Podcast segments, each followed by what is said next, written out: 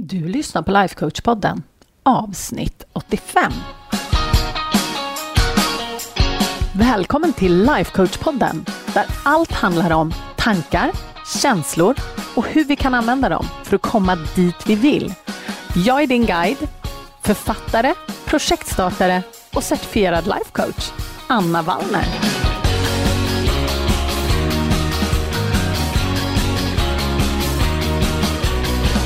Men hej hallå på er! Här sitter jag en torsdagkväll i mitt kök och brasan brinner och hundarna sover och barnen sover och jag kände bara helt plötsligt att nej men herregud, jag måste nog spela in ett podcastavsnitt.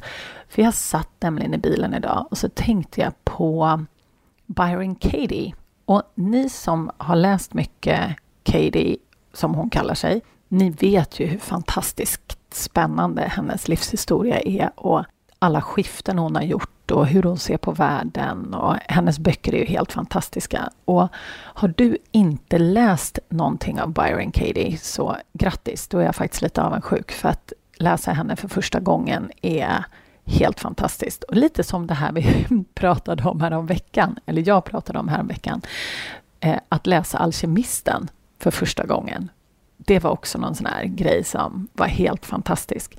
Men hon har i alla fall skrivit eh, en bok som heter Loving What Is.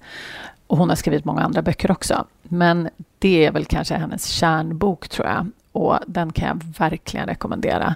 Det hon pratar om i den boken är någonting, bortsett från sin egen historia och hela den biten, så pratar hon om sitt jobb, det hon gör. Hon kallar det faktiskt också för the work.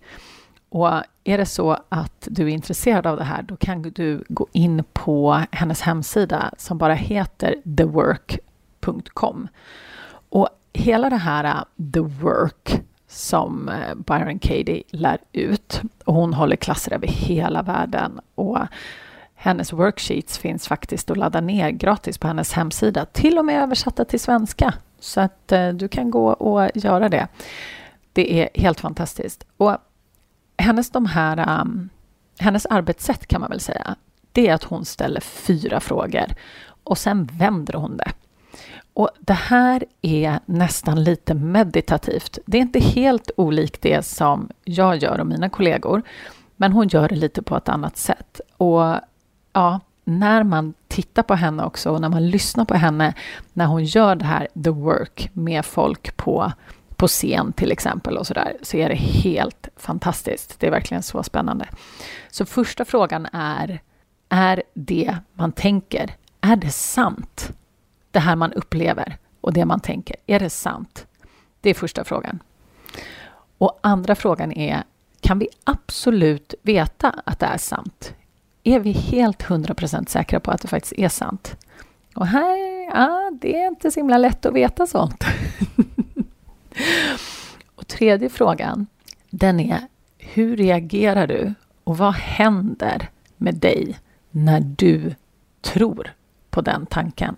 Det är också så himla spännande.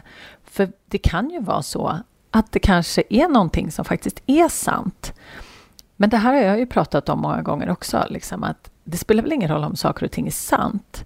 För att om vi inte kan reagera som vi vill och få de resultaten som vi vill, vad är det då för poäng att tro på att det är sant? Det är mycket bättre att tro på någonting som är hjälpsamt, alltså som hjälper oss och som gagnar oss.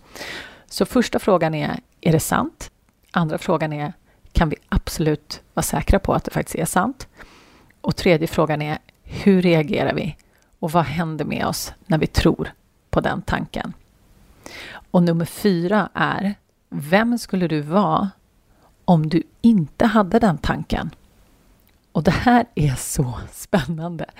För när vi liksom släpper den tanken och väljer att tänka någonting annat så kan vi få sån otrolig frid. Och frihet framför allt. Och det är så himla skönt. Sen gör hon också någonting som hon kallar för a turnaround. Det vill säga hon vänder på frågan. Och så kan man liksom fråga sig, ja, men om jag tror att den här personen till exempel gör det här mot mig.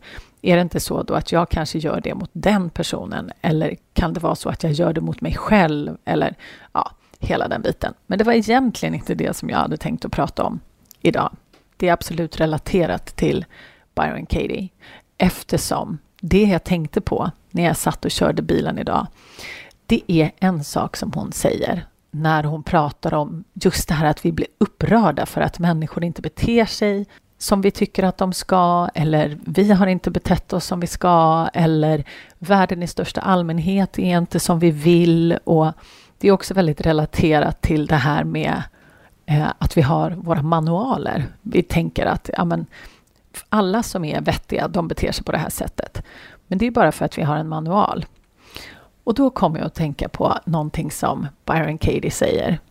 Hon tycker att vi ständigt ska fråga oss, när vi kommer in i de här dilemmana och vi blir irriterade på folk och på omgivningen och så, att vi frågar oss själva, men vem, vems business är det här? Är det din business? Är det någon annans business? Eller är det universums business? Och det här är någonting som har hjälpt mig så himla mycket. För grejen är det att den enda möjligheten för dig att påverka, de en, den enda av de här tre som du kan påverka, det är faktiskt din business. Det som gäller dig, det som fungerar, det som finns på insidan av dig, det som du är ansvarig för, din business, den har du koll på. Andra människor, vad de gör och vad de tänker och vad de håller på med, det är faktiskt inte din business. Och du har inte möjlighet att påverka det. För att det som påverkar vad de tänker och känner, det är vad de tänker. Deras tankar kommer bestämma vad de känner och vad de gör, helt enkelt. Så det är deras business, det är deras ansvar. Sen finns det också saker som händer. Det är helt enkelt universums business. Eller om du tror på Gud så är det Guds business. Eller om du tror på någonting annat. Typ vädret. Att det händer naturkatastrofer. Det är inte din business. Det är inte någon annans business. Det är universums business. Och när man försöker se det på det här sättet så blir det så mycket enklare. Det blir så oerhört mycket enklare. Och jag brukar också ibland prata om det. Jag tillhör ju eh, Dirty Dancing-generationen som har sett Dirty Dancing hundra gånger. Och då kan man tänka lite som Patrick Swayze när han försöker lära henne att dansa. När han försöker lära Baby att dansa så säger han att this is my dance space och this is your dance space. I don't want to get into your dance space and you don't want to get into my dance space. Det är också så att det är samma sak. Vems business är det? Vill, vems dance space vill vi vara i? Vi vill inte vara borta och kladda i någon annans dance space. För det första så har vi ingen business där. Det är inte vårt jobb att tala om för andra hur de ska leva. Det är vårt jobb att fundera på hur vi vill leva och vad vi vill göra med det vi har möjlighet att påverka. Så att jag ville bara lite kort prata om just det här. Det är så himla härligt när man kan återkoppla till vems business är det faktiskt frågan om i det här fallet? Är det min business någon annans business eller universums business.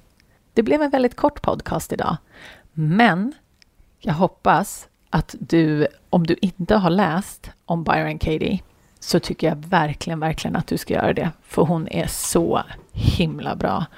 Hon har också en annan bok, tror jag, som heter A Mind at Home with Itself, om jag inte missminner mig. Så är du lite nyfiken på Byron Katie så gå upp på thework.com eller googla fram hennes böcker och då skulle jag verkligen rekommendera att du eh, först läser. Det, det är min, min preferens. Det är att läsa Loving What Is. Det är en underbar bok. Så gör det så hörs vi nästa vecka. Puss och kram!